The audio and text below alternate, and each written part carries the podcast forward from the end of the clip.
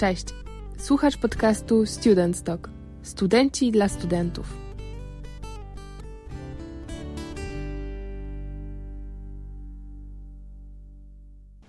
Dzisiaj rozmawiam z Joanną Kwapień, czyli zastępczynią redaktorki naczelnej magazynu Mea Kultura, członkinią zespołu magazynu Glissando, osobą nagrodzoną stypendium ministra edukacji i nauki za znaczne osiągnięcia w roku 2020-2021 oraz absolwentką etnologii, antropologii i muzykologii. Cześć Asia, bardzo mi miło, że zgodziłaś się porozmawiać z nami w podcaście. I, Cześć, mi też bardzo miło, dziękuję za zaproszenie. Pierwsze pytanko odnośnie muzykologii, bo jakby dużo kierunków studiowałaś, ale to jest też kierunek, dzięki któremu właśnie uzyskałaś to stypendium. I pytanko, czym jest tak naprawdę muzykologia?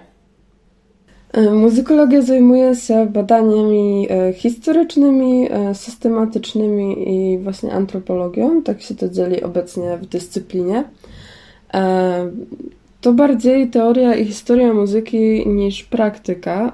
Aktualnie często, kiedy mówię, że jestem na muzykologii, to słyszę pytanie, na czym grasz? No ja akurat gram na skrzypcach, ale to nie ma nic wspólnego z tym, co studiuję. Mam osoby na studiach, które, które nie grają na niczym, e, tylko po prostu fascynuje je właśnie któraś z poddyscyplin muzykologii. No i to bardzo szeroka dziedzina, można się zajmować naprawdę różnymi rzeczami w ramach tej dyscypliny. Czyli yy, nie trzeba być muzykiem, żeby studiować muzykologię, tak?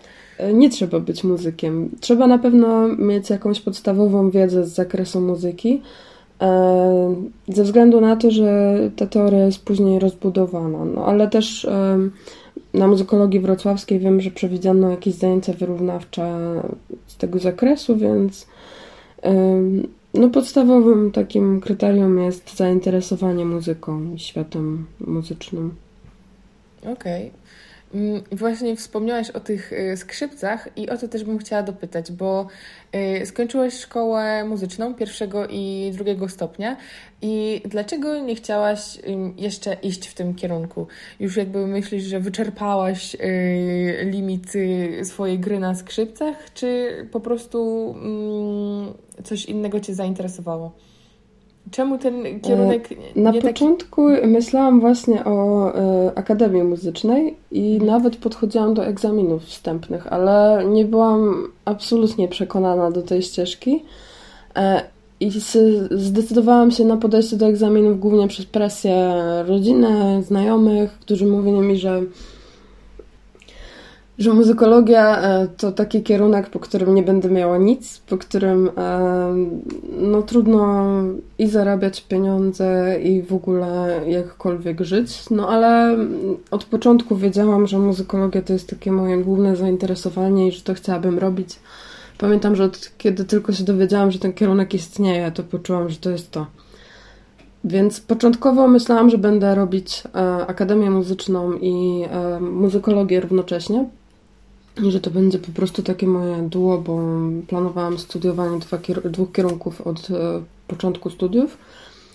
Ale y, tak wyszło, że nie dostałam się na y, Akademię Muzyczną. Miałam też 40 stopni gorączki w dniu egzaminów.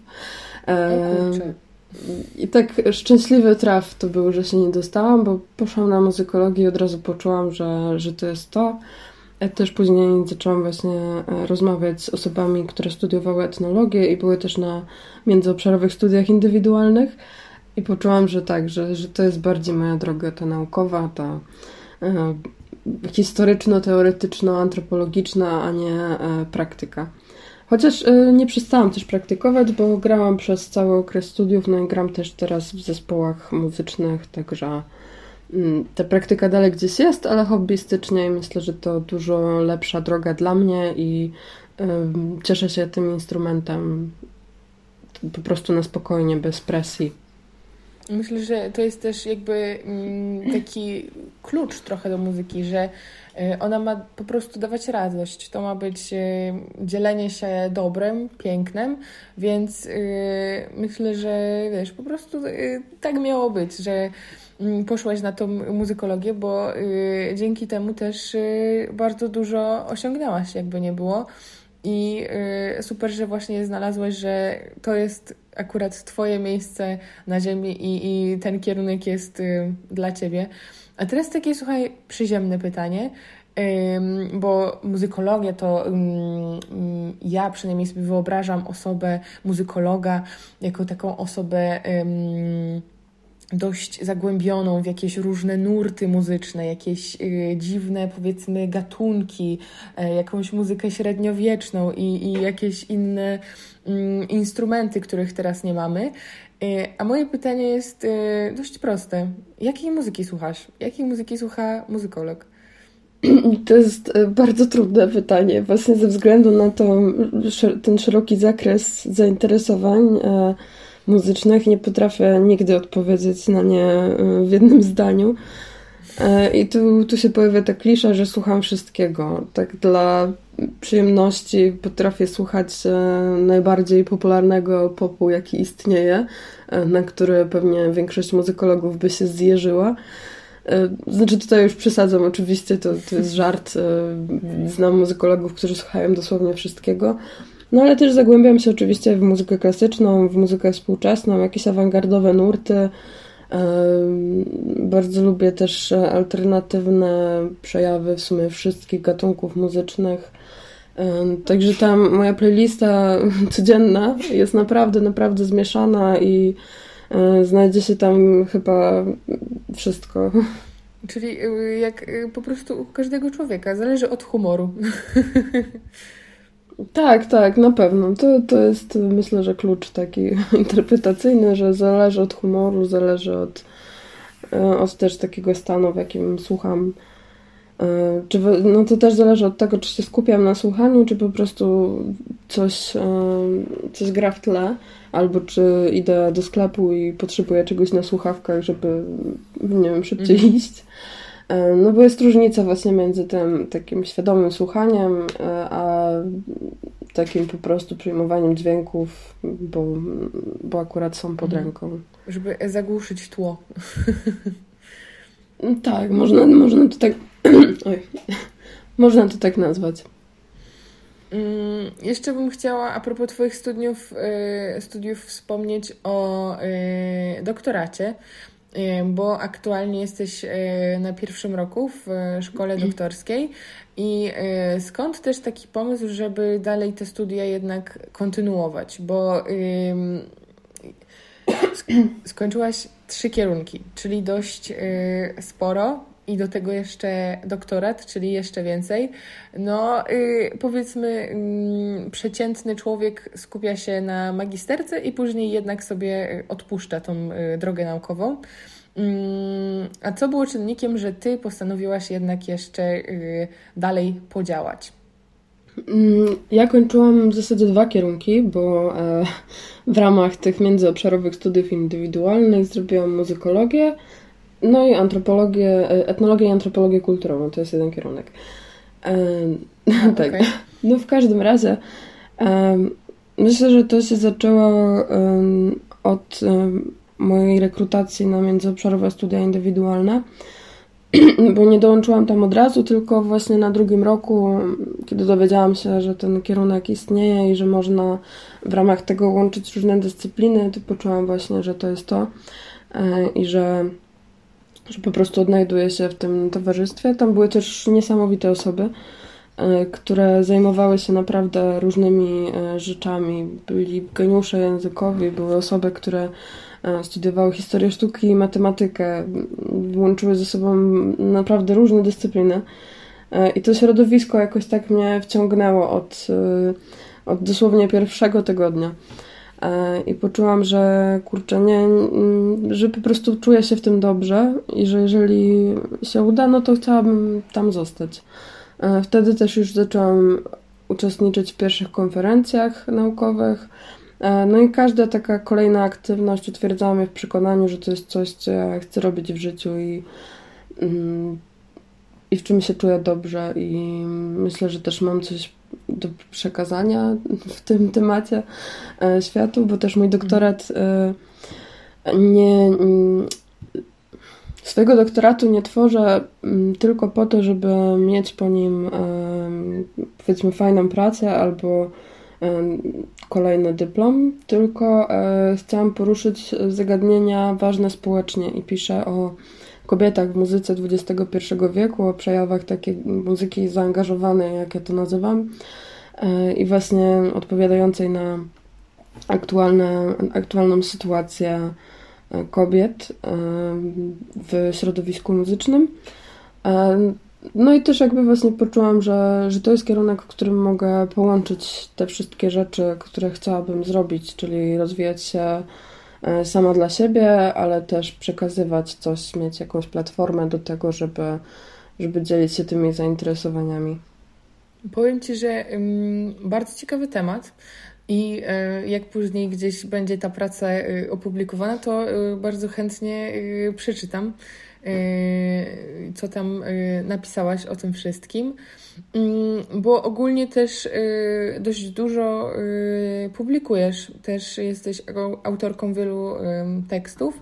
I tutaj y, ta Twoja strona, powiedzmy, dziennikarsko-publicystyczna jest dość prężnie rozwijana.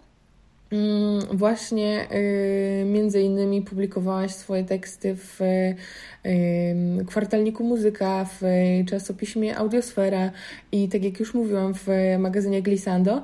No i oczywiście jesteś zastępczynią redaktorki naczelnej w Mea Kultura, więc y, dość y, sporo tego. Mm, I jakby dlaczego akurat wybrałaś taką drogę?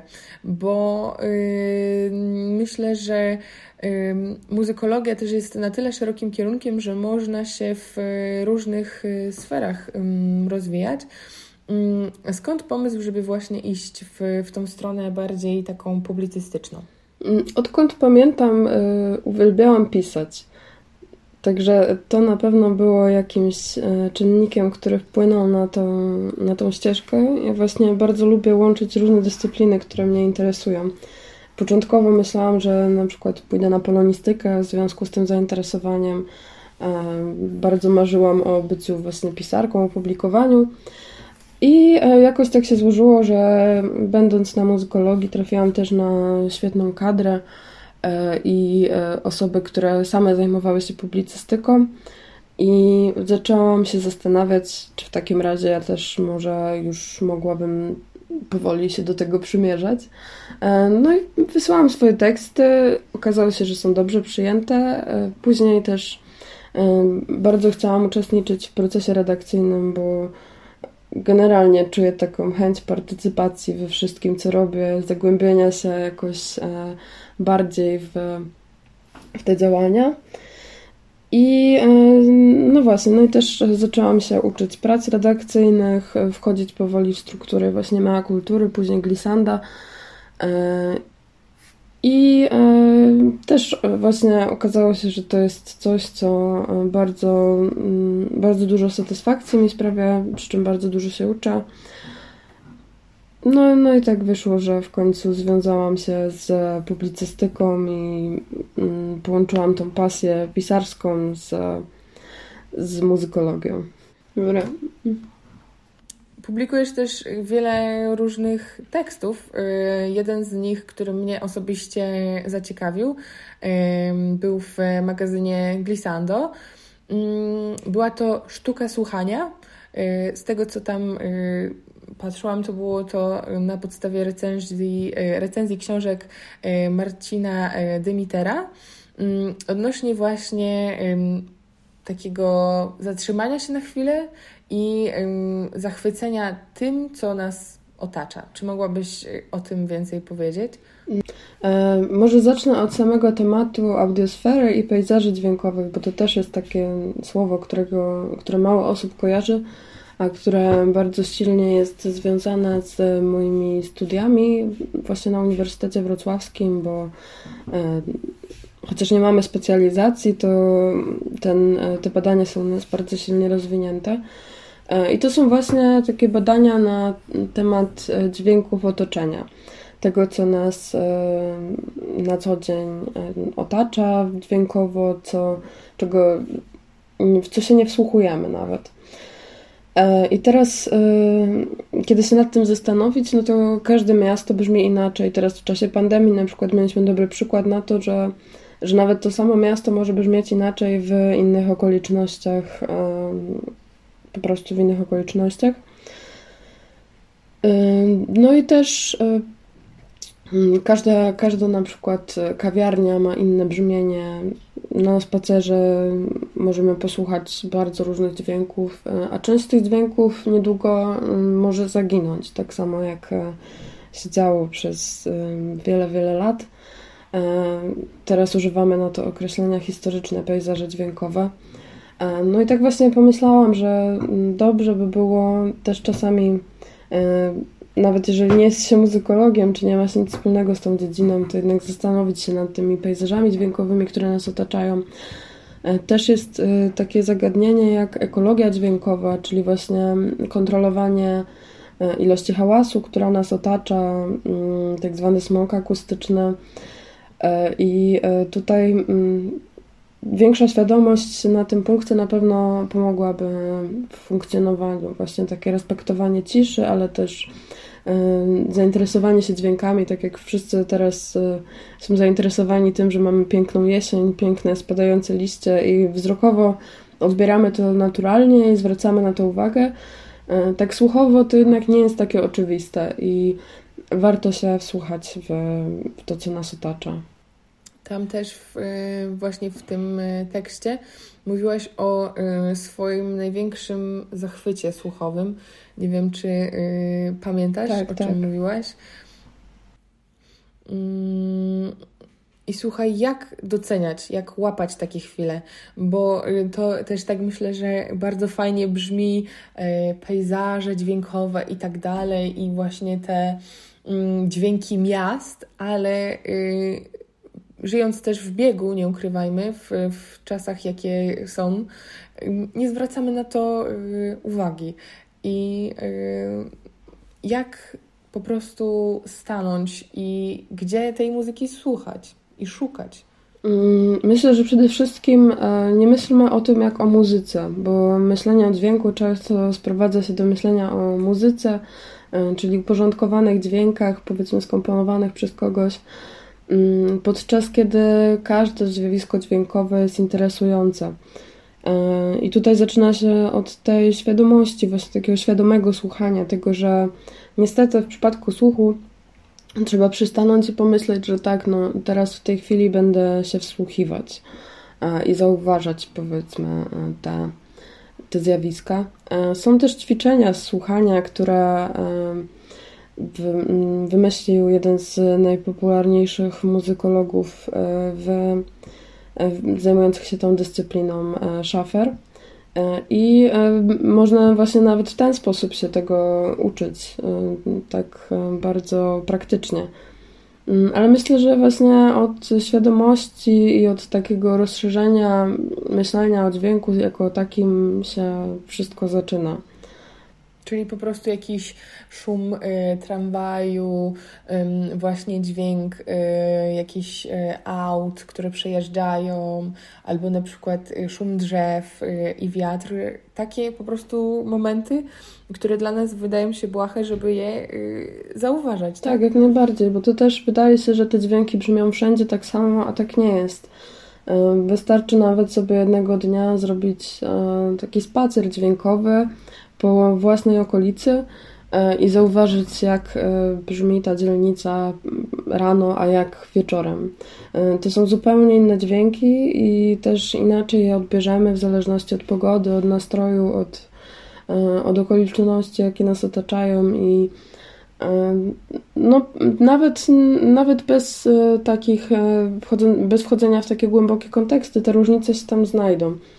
Więc myślę, że to jest bardzo ciekawy temat, że nawet nasza okolica codzienna brzmi za każdym razem trochę inaczej. Raczej nie usłyszymy jej tak samo już nigdy, także może też ta nieuchwytność chwili może jakoś nakierować na to docenianie słuchania. Dokładnie, myślę, że jak najbardziej. Y, powiem Ci, że jak powiedziałaś, że y, ten moment już się nigdy więcej nie wydarzy, to mnie trochę tak zestresowałaś y, wewnętrznie.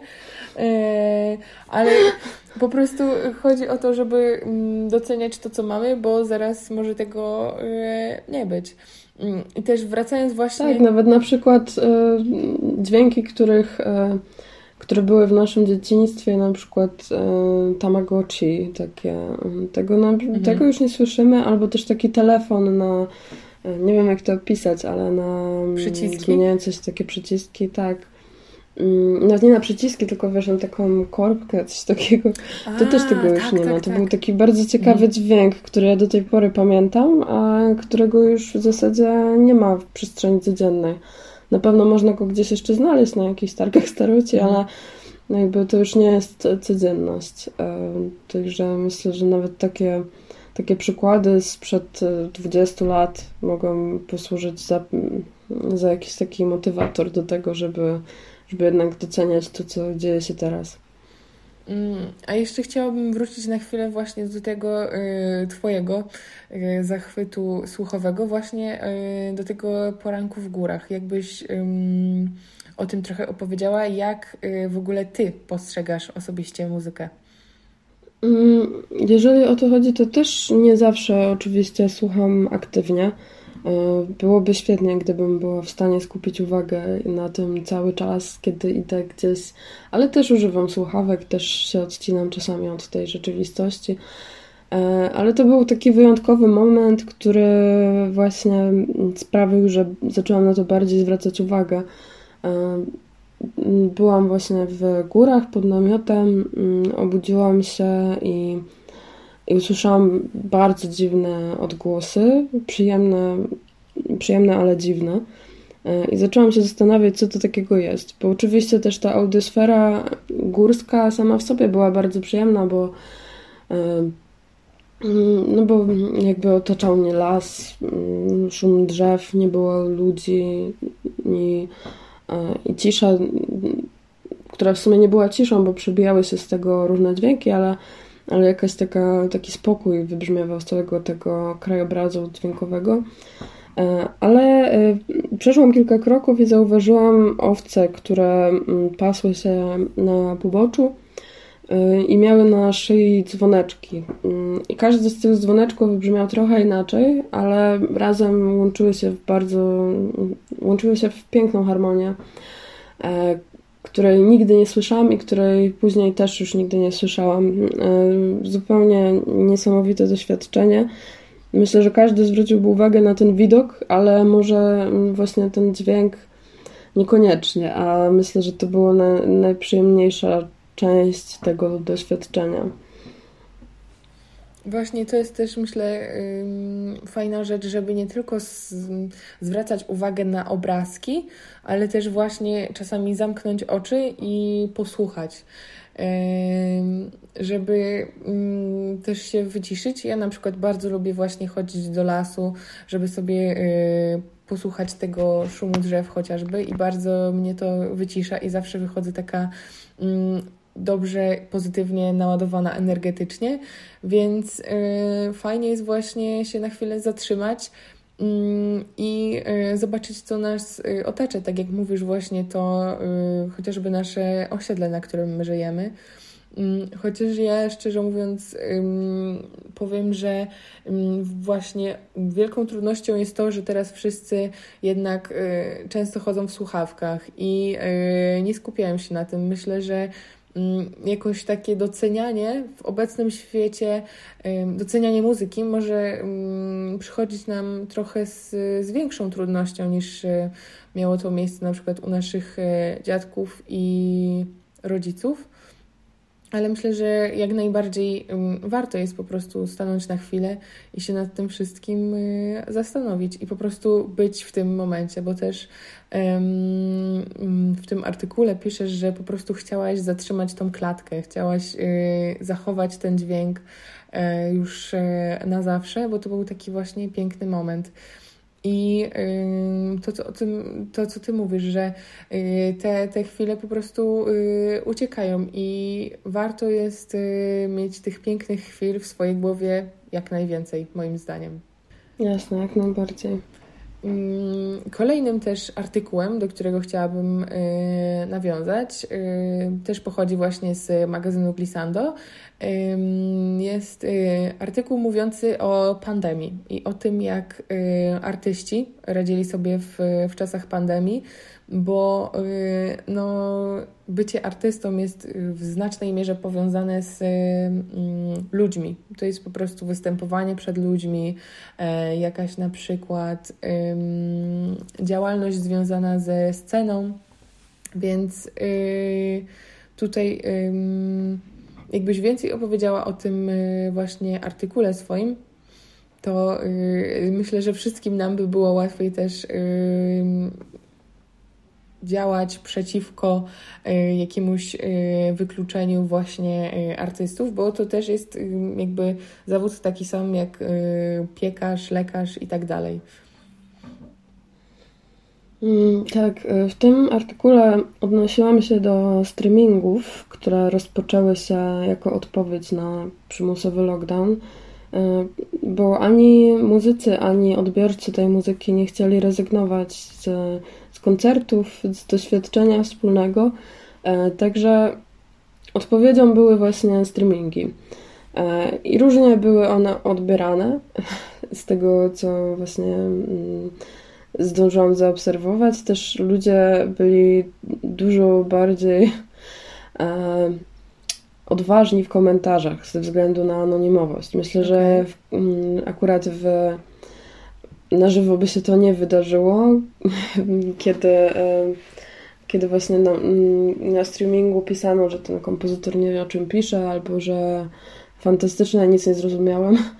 E, o kurczę. No i e, jakby to, by, to był bardzo ciekawe, ciekawy czas, kiedy udostępniono właśnie archiwa różnych instytucji kulturalnych, ale też tworzono streamingi na żywo. E, I w tym artykule pisałam o e, streamingu Czarodziejskiej Góry Pawła Mekietyna, gdzie właśnie sam e, kompozytor pojawił się, pojawił się powiedzmy metaforycznie na tej premierze internetowej w komentarzach. I tam właśnie była cała góra różnych opinii, często negatywnych, często jakichś takich zdezorientowanych ze względu na to, że to była muzyka współczesna, taka trudna w odbiorze dla dla przeciętnego odbiorcy i e, no i właśnie sam kompozytor napisał, że słaba ta muzyka, czy coś w tym stylu, nie pamiętam już dokładnie. Więc to, więc to było bardzo ciekawe, no ale też e, już pomijając tę odpowiedź, która była też e, świetną inicjatywą, no to często te streamingi były bezpłatne, były też taką inicjatywą trochę wolontari wolontariacką ze strony instytucji.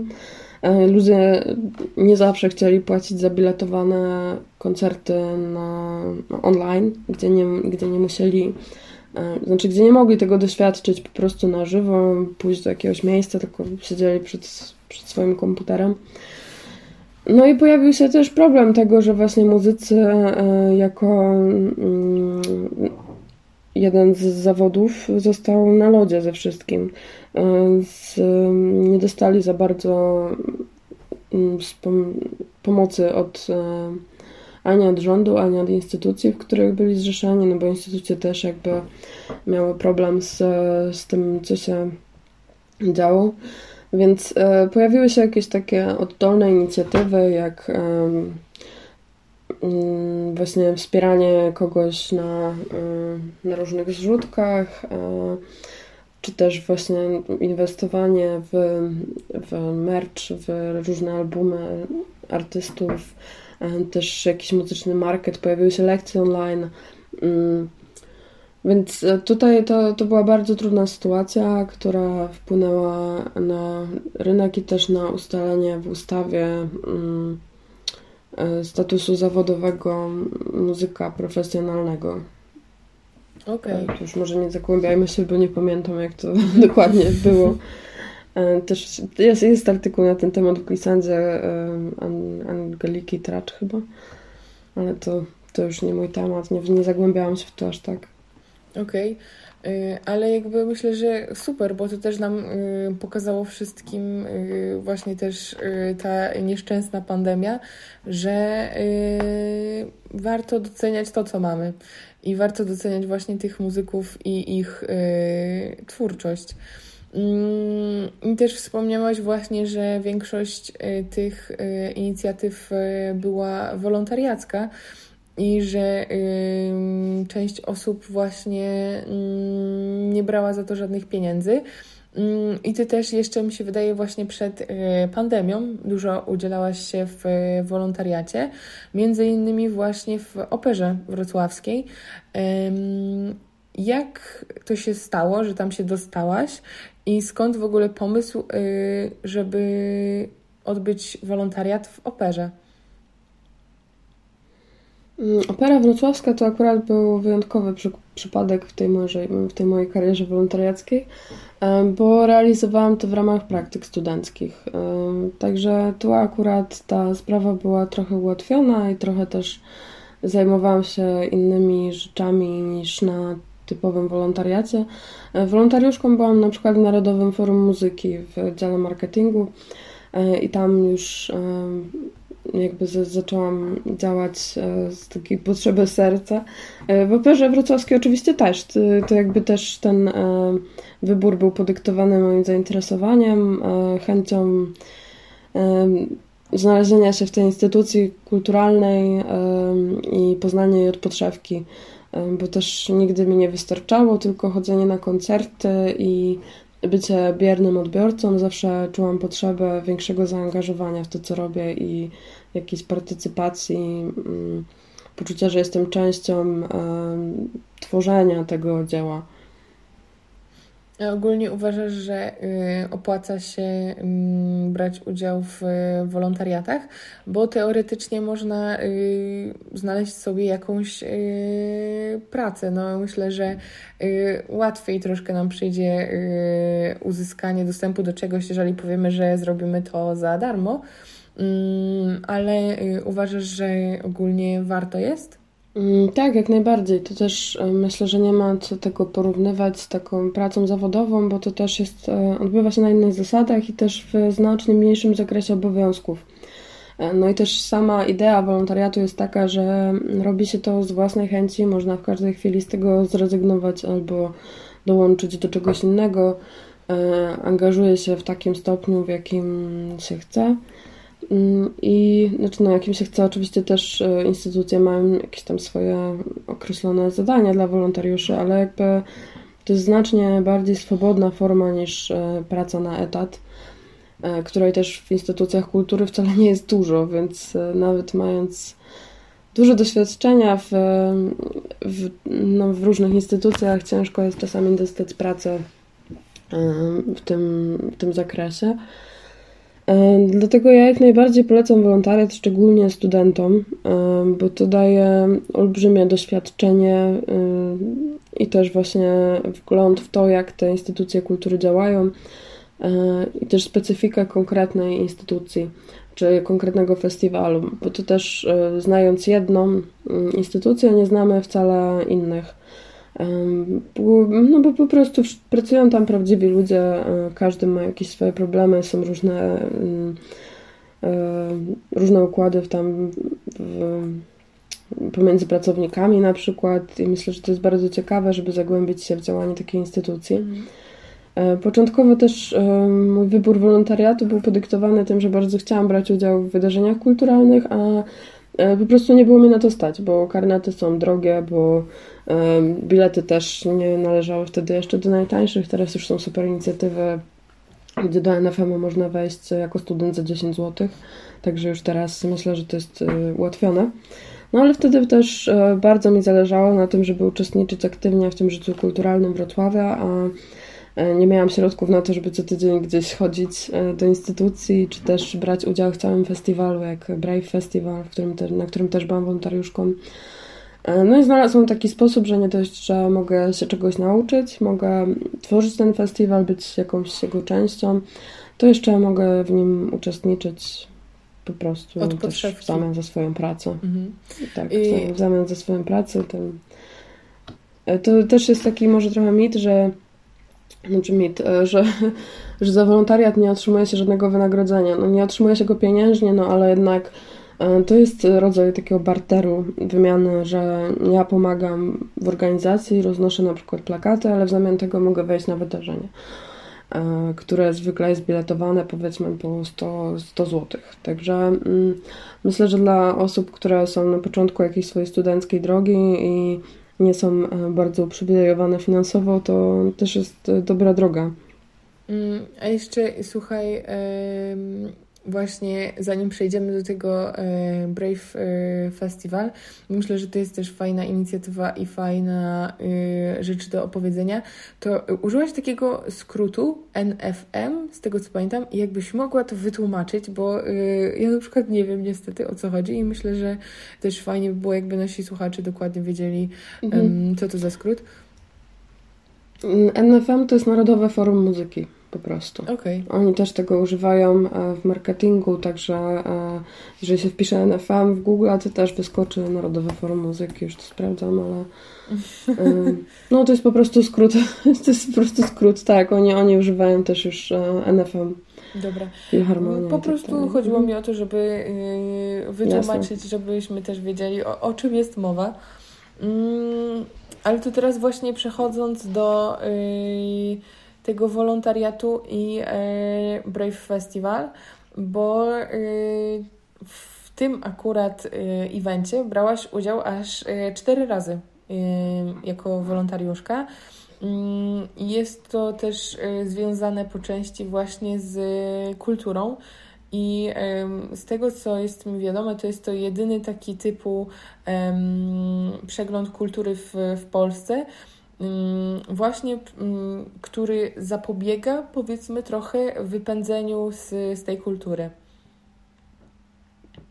Mm, tak, jak najbardziej. E, Brave Festival to był mój pierwszy e, festiwal, w którym byłam wolontariuszką. W ogóle chyba pierwszy taki większy festiwal, w którym uczestniczyłam. Nie mieszkałam jeszcze wtedy we Wrocławiu e, i bardzo mi zależało na tym, żeby właśnie żeby być gdzieś wolontariuszką. Pamiętam, że wtedy chyba pisa- wpisałam po prostu w Google e, wolontariat Festiwal Wrocław mm. i ten Brave pojawił się tak trochę przypadkowo, trochę nie, bo zgrał się z moimi zainteresowaniami perfekcyjnie. No i stwierdziłam, że zaaplikuję. Przeszłam rozmowę kwalifikacyjną i ten proces rekrutacji. E, nie wiedziałam też do końca czego się spodziewać. Ja wtedy trafiłam na e, stanowisko ankieterki Czyli po prostu pytałam ludzi po festiwalu, jak im się podobało, co można byłoby poprawić. Tam miałam taki formularz do wypełnienia. Mm, no i się e, właśnie niesamowicie w tym odnalazłam. Sama atmosfera festiwalu była dla mnie wspaniała. Mm, ludzie, którzy tam uczestniczyli, no ale też artyści, których zobaczyłam, to też było moje takie pierwsze żywe zetknięcie z kulturami pozaeuropejskimi, bo E, wcześniej nie miałam okazji bycia na koncertach na żywo, też rozmów z artystami. E, to były osoby, które były zupełnie różne niż to, co znałam do tej pory, właśnie w tej zachodniej muzyce e, i w no, po prostu w naszej kulturze. Też jakby problemy, z którymi oni się mierzyli, były zupełnie innej skali niż to, co, co dzieje się u nas.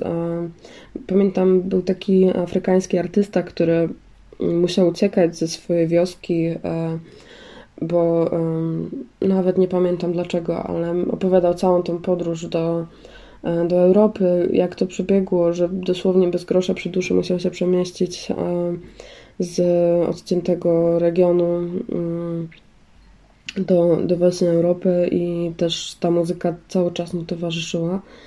I to było dla mnie niesamowite. Też e, fakt, że Brave Festival dużą część jakiegoś tam dochodu prze, e, przeznacza na pomoc instytucjom charytatywnym i faktycznie to ma przełożenie nie tylko na to, że my możemy cieszyć się tą kulturą i zobaczyć ją jej doświadczyć, ale też ma to wpływ na, na tamtą społeczność. Mm. Także bardzo się cieszyłam, że mogła być częścią tego festiwalu. Spodobało mi się na tyle, że później uczestniczyłam w tym już co roku. Czyli jakby w dwóch słowach po prostu przegląd kultury z całego świata. I myślę, że to jest super też, żeby poszerzać po prostu swoje horyzonty. I o tym, co, y, o czym żeśmy omo, mówiły na początku, czyli właśnie, żeby szukać y, tych dźwięków wszędzie, bo myślę, że zupełnie inaczej y, właśnie chociażby ludzie pochodzący z Afryki tą muzykę postrzegają i zupełnie inne dźwięki oni y, dostrzegają w swoim otoczeniu. Mm, więc to myślę, że też jest taka fajna kwestia, żeby się po prostu podzielić i rozwinąć swoją wiedzę na ten temat. Mm, I teraz jakby moje pytanie jest następujące, bo y, właśnie mm, aż cztery razy brałaś udział i y, co najbardziej Cię poruszyło y, w tym festiwalu? Czy był na przykład właśnie jakiś jeden występ, który zapadł Ci w, w pamięć? Mm, ogólnie, dlaczego aż, aż tyle razy tam wracałaś? Mm, większość występów, na których udało mi się być, to było coś niesamowitego. Mm, bardzo dobrze pamiętam e, jeden rok, w którym udało mi się mm, grać na skrzypcach z muzykami w klubie, e, w takiej sesji improwizowanej jam session. E, to było niesamowite doświadczenie, zupełnie dla mnie nie z tego świata, bo oczywiście wcześniej zdarzyło mi się improwizować, ale nigdy z z takimi muzykami zupełnie też na innym poziomie profesjonalizmu dla mnie e, i też na innym poziomie po prostu mm, w rozumieniu muzyki. E, pamiętam też e, bardzo dobrze projekt Brave Together, który niekoniecznie, on był trochę oderwany od samego Brave Festiwalu i polegał na integracji osób niepełnosprawnych z po prostu z innymi osobami. E, i e, połowa grupy, połowę grupy stanowiły właśnie osoby mm, niepełnosprawne. I jakby mm, właśnie mieliśmy się zintegrować poprzez warsztaty fotograficzne i muzyczne. Warsztaty muzyczne prowadził Paweł Romańczuk, który jest również świetnym kompozytorem z Wrocławia, ma pracownię Małe Instrumenty. E, w której tworzy małe instrumenty, jak nazwa wskazuje. E, I właśnie przez e, te warsztaty mogliśmy się zbliżyć, zrozumieć trochę bardziej swoje problemy i zobaczyć po prostu, jak, jakie, jakie przeciwności stoją przed osobami niepełnosprawnymi, że na przykład infra infrastruktura miejska jest niedopasowana zupełnie dla osób z takimi potrzebami, że nie mają one też takiego takiej możliwości uczestniczenia w życiu kulturalnym jak, e, jak my. E, dlatego to bardzo mnie poruszyło i było niesamowitym doświadczeniem, które trwało pół roku, z tego co pamiętam. E, co tydzień się spotykaliśmy na tych warsztatach i zakończyło się to wspólną prezentacją wyników tego, tego projektu. Super, bo y, jakby myślę, że taki jest też y, zamysł muzyki, tak się mówi, że właśnie mm, muzyka łączy pokolenia, więc myślę, że też muzyka po prostu powinna łączyć ludzi z różnych y, sfer i to powinno być takie coś, co nas raczej właśnie łączy i zrzesza w, w jedną grupę. Mm, bo myślę, że każdy człowiek ma coś do przekazania, jakieś swoje emocje. Mm, różnie jest to wyrażane, co myślę też właśnie na tym y, Brave Festival jest y, pokazywane, że różne kultury y, w różny sposób, za pomocą różnych dźwięków, swoją, swoją kulturę, czy chociażby opinię wyrażają swoje emocje. Mm, chciałabym też wspomnieć o y, kole naukowym muzykologów y, na Uniwersytecie Wrocławskim, y, którego byłaś członkiem. mm, i właśnie o konferencji muzykologicznej ICTM w Poznaniu, gdzie byłaś prelegentem i, mówiła, i mówiłaś właśnie o muzyce tradycyjnej, czyli o ludziach takich no powiedzmy prostych po prostu, którzy sami nauczyli się grać na jakichś y, instrumentach. Czy mogłabyś o tym też coś więcej y, opowiedzieć? Mm, może na samym początku powiem, że absolutnie nie zgadzam się z tym, że to są ludzie prości, bo to też y, z samego takiego kulturowego punktu widzenia to po prostu są ludzie mm, tacy sami jak my, też samoucy, których badałam, przedstawiali, w zasadzie byli od Mm, byli grupą od 18 do 95 roku życia i nie przereprezentowali tylko muzyki tradycyjnej, e, bo mm, przeprowadzałam wywiad z jazzmenem, z metalowcem, z osobą, która grała po prostu na gitarze przy, przy ognisku, też przy właśnie z muzykami ludowymi też jak najbardziej, ale oni się często wykazywali większą dozą profesjonalizmu i zrozumienia muzyki niż nie jeden muzyk ze szkoły muzycznej, którego znam. I to był też mój postulat właśnie w tej pracy, żeby, e, żeby postawić ich na równi, nie hierarchizować, nie, e, nie stawiać jednego nad drugim, bo oba, e, jakby sama metoda nauczania nie, nie wpływa na to, jakim się jest muzykiem, czy jest się profesjonalnym muzykiem, czy, czy nie. Więc to akurat też bardzo ważne dla mnie, żeby to wybrzmiało, że, że nie traktuję tego zupełnie jako mm, jako jakiegoś takiego przejawu niskiej kultury. Nie wierzę w ogóle w coś takiego jak niska czy wysoka kultura. Dobra, jeżeli chodzi o działalność koła naukowego, e, to też od początku to było dla mnie bardzo ważne, e, że, mm, że mogę się udzielać e, na tej muzykologii też oddolnie i wychodzić jakąś inicjatywą. Mm, to też ułatwiło mi wyjazdy na konferencje naukowe ze względu na to, że koła mają dofinansowania E, też organizację różnych e, wydarzeń na muzykologii. E, stworzyliśmy na przykład spotkania dyskusyjne odnośnie różnych tematów, które nas interesowały. To też była okazja do przećwiczenia sobie mm, samego przemawiania publicznego przed konferencjami czy działalnością naukową. To też było takie pole do wymiany myśli, do różnych wyjazdów. E, razem z kołem wyjechaliśmy na badania terenowe z, we współpracy z Małopolskim Centrum Kultury Soku w e, Nowym Sączu. E, I myślę, że to bardzo nas spajało też jako studentów muzykologii, która jest malutkim kierunkiem. Na roku, na pierwszym roku aktualnie mamy 30 parę osób, to jest rekordowa rekrutacja, ale kiedy ja studiowałam, to na trzecim roku zostało chyba 10 osób. E, także jest nas na tyle mało, że dosłownie każdy każdego chociażby kojarzy z każdego rocznika, też jeżeli chodzi o doktorantów, no to e, nawet studenci wiedzą, kto jest kim, e, kto jaką dyscypliną się zajmuje i no i po prostu też to dawało jakieś poczucie dodatkowej społeczności, nawet w tym malutkim gronie e, osób, które chciały się zaangażować w tą działalność naukową i czuły się jakoś mocno związane z tą muzykologią.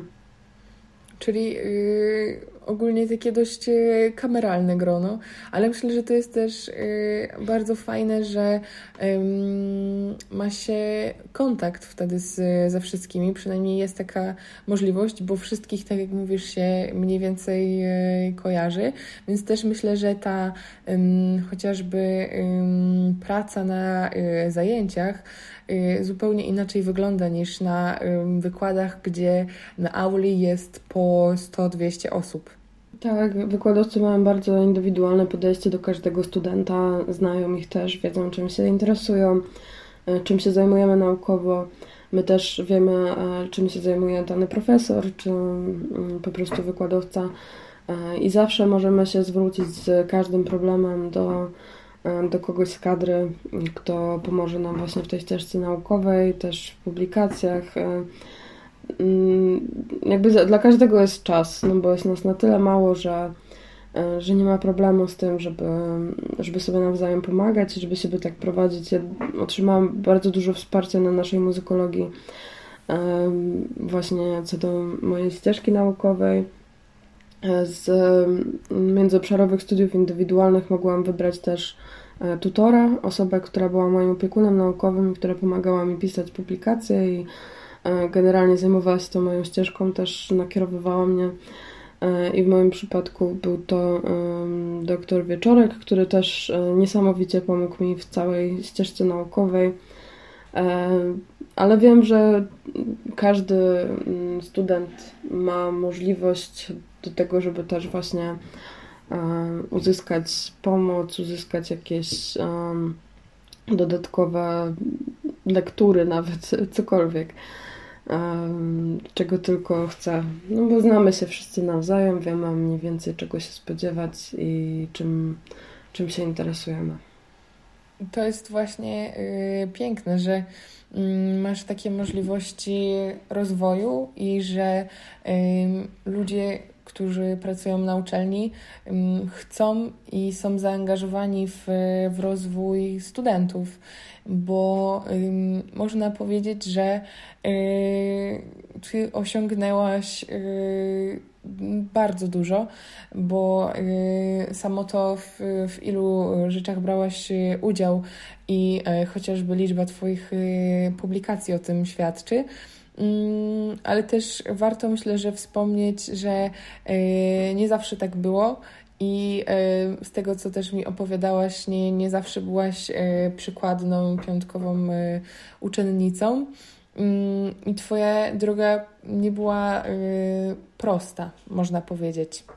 Tak, ja akurat Najbardziej może wyróżniałam się w szkole podstawowej, tam jeszcze szło mi e, świetnie, później im dalej, tym gorzej. E, w gimnazjum miałam już, w gimnazjum miałam już powiedzmy czwórki, w liceum e, ledwo, w sumie nie, nie dosięgałam do średniej 3-0. E, i e, frekwencja wynosiła około 50%, tak żeby tylko, żeby, żeby nie dało się mnie stamtąd wyrzucić. E, no ale też może wspomnę, że na tych moich wagarach czytałam książki. Czasami nawet się nie próbując ukrywać tym, tylko siedziałam pod biblioteką, bo nie chciałam iść na jakieś zajęcia i, i czytałam książkę. Często wpadałam przez to w różne kłopoty, bo, no bo okazywało się, że, że ktoś mnie tam przyłapał. E, no ale też e, jakby przez to, że miałam takie kiepskie oceny, w ogóle w pierwszej liceum miałam 9 zagrożeń. E, nie wiadomo było, czy w ogóle zdam semestr. Miałam też poprawkę z matematyki w tym, w tym czasie. I jakby nikt mi nie wróżył świetlanej przyszłości i też wiem, że no, że miałam opinię osoby, która raczej jest mądra. Też wypowiadałam się na zajęciach, nie siedziałam cicho, ale, ale byłam taką buntowniczką trochę tam mm, i, i wolałam się uczyć sama dla siebie niż e, na zaliczenia czy kartkówki.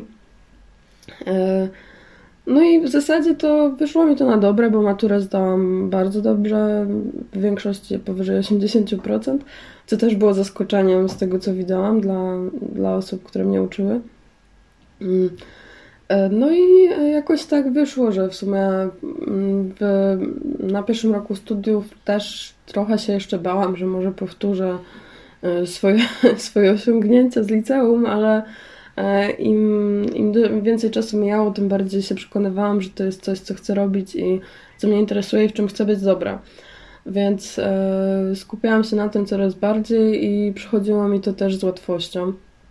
Mm, też może wspomnę tak tylko mimochodem, że e, te moje problemy w liceum nie wynikały też z faktu, że ja chciałam się źle ale też z tego, że miałam różne problemy zdrowotne, i e, które przeszkodziły mi w, tym, w tej nauce. E, I e, zupełnie, to, w sumie liceum to była ostatnia rzecz, o której ja myślałam w tamtym czasie. Też jednocześnie robiłam szkołę muzyczną przez cały ten czas, co też było ciężko, ciężkie, mm, no bo wychodziło się z domu o 8 i przychodziło się o 18. I, I tak naprawdę ćwiczenia też pochłaniały większość dnia, więc Myślę, że to była też trochę taka selekcja tego, co uważałam za ważne, co, co uważałam za, za nie aż tak ważne. A czy teraz mm, powiedziałabyś sobie, dałabyś jakąś y, radę sobie z y, przeszłości? Mm, myślę, że nie, tak naprawdę. Myślę, że musiałam przez to przejść, żeby teraz było jak jest. Zupełnie nie, nie czuję, że to była zła droga. Nawet jeżeli to może nie była najbardziej oczywista, no to nawet to wagarowanie i czytanie książek e, jednak doprowadziło mnie do momentu, w którym jestem teraz. I te oceny, które miałam w liceum, w żaden sposób nie wpłynęły na to, jaką teraz jestem osobą i na to, czy dostałam stypendium ministra, czy nie. Więc też może taka wiadomość, że e, żeby nie dać się zdefiniować tym, że ma się na przykład dwóje z matematyki, bo to wcale, no bo to nic nie znaczy. I za, za te parę lat nikt nie będzie się zastanawiał, jaką ocenę miało się na świadectwie i czy się miało czerwony pasek, czy nie. Dokładnie, bo y, liczy się to, co y, mamy w głowie. Mm, niestety y, szkoła nie sprzyja rozwojowi tylko w tej konkretnej dziedzinie, która nas interesuje, bo też matura jest tak skonstruowana, że chcąc, nie chcąc, yy, będąc chociażby humanistą, nie możemy się tylko skupić na yy, języku polskim, czy... Tak, ja też uważam, że to by było szkodliwe, gdybyśmy się tylko na tym skupiali, bo każda z tych dziedzin rozwija jakąś inną wiedzę. I yy, myślę, że to też nie było tak, że ja yy, skupiałam się na swoich zainteresowaniach, a resztę olewałam, bo ja z polskiego też miałam dwa w tamtym okresie, okay. a byłam bardzo dobra, yy, tak poza naukowo. jakby wydaje mi się, że to, że to był bardziej taki błąd odnośnie całego systemu nauczania niż dyscyplin, które, które były mm, tam uczone, bo mnie osobiście bardzo interesowała na przykład fizyka. Do tej pory czasami czytam o. jakieś książki związane z fizyką. E, też nie miałam jakichś takich e, negatywnych odczuć co do jakiejś dyscypliny, może do matematyki, ale to dlatego, że po prostu to była jedna, jedyna chyba rzecz, która naprawdę sprawiała mi dużo trudności. No ale tak poza tym, no to, to, to mówię, to nie wynikało z niechęci do wiedzy. Ja bardzo, mm, jak też widać po moich studiach, staram się zaglądać w różne obszary i jestem ciekawa świata i też uważam, że warto chociażby mieć podstawową wiedzę z, z tego, czego się uczy w szkole. To, to mówię, to był bardziej jakiś taki bunt odnośnie systemu nauczania i systemu oceniania i tego właśnie takiego opakowania uczniów szufladki, e, też odnośnie niektórych nauczycieli, których, e, którzy moim zdaniem mieli bardzo zawężone horyzonty i dalej tak uważam, więc, więc jakby to, to wynikało bardziej z tego. Ale um, cieszę się, że udało Ci się jednak właśnie znaleźć swoje miejsce i y, swoich ludzi właśnie na studiach bo to, co mnie na przykład też przytłaczało w moim okresie licealnym, y, to moment, gdzie ja mam teoretycznie określić się y, i określić y, swoją przyszłość, w którym kierunku ja muszę iść. Czy pójdę w prawo, czy pójdę w lewo, czy środkiem. I bardzo wiele młodych ludzi nie wie, co chce robić. I ja też sama nie wiedziałam, też wiele rzeczy mnie interesowało i nie byłam do końca y, przekonana. Więc po prostu to myślę, że jest taki ciężki czas, ale warto jest. To jest też mm, kwestia bardzo szkodliwych mitów tego, że mhm. trzeba iść na coś, co da nam pieniądze, co trzeba, że trzeba wybrać coś, co da jakiś prestiż, gdzie to się zmienia co, co dosłownie kilka lat. Osoby, które poszły mm, na studia z mojego rocznika, dlatego że że tak trzeba było, albo ktoś miał jakieś oczekiwania, to teraz e, albo ich nie skończyły, albo je przerwały, albo są nieszczęśliwe w tym, co robią. A ludzie, którzy wybrali kierunki, które teoretycznie nie były aż tak e, prestiżowe ani zarobkowe, spełniają się w tym i wyszło im to na dobre, więc jakby jednak polecam wybierać te rzeczy zgodnie z zainteresowaniami i, i może martwić się później tym, jak to przerobić na zarobki, bo, bo to przyjdzie. Dokładnie. Myślę, że po prostu warto iść y, swoją ścieżką I jeżeli jest się w czymś e, dobrym, jeżeli chce się coś robić, to myślę, że y, to da nam szczęście i to jakby jest y, warte wszystkich pieniędzy. I y, chyba tyle. Czy masz jeszcze jakieś y, słowa, którymi byś się chciała y, podzielić? Jakieś złote myśli, złote rady? No, chyba, już, chyba już powiedziałam wszystkie swoje złote myśli, złote rady. To w takim razie dziękuję Ci bardzo za y, podzielenie się swoim y, doświadczeniem i za całą rozmowę u nas w podcaście. Było mi bardzo miło. Dziękuję Ci bardzo też. Dzięki za zaproszenie.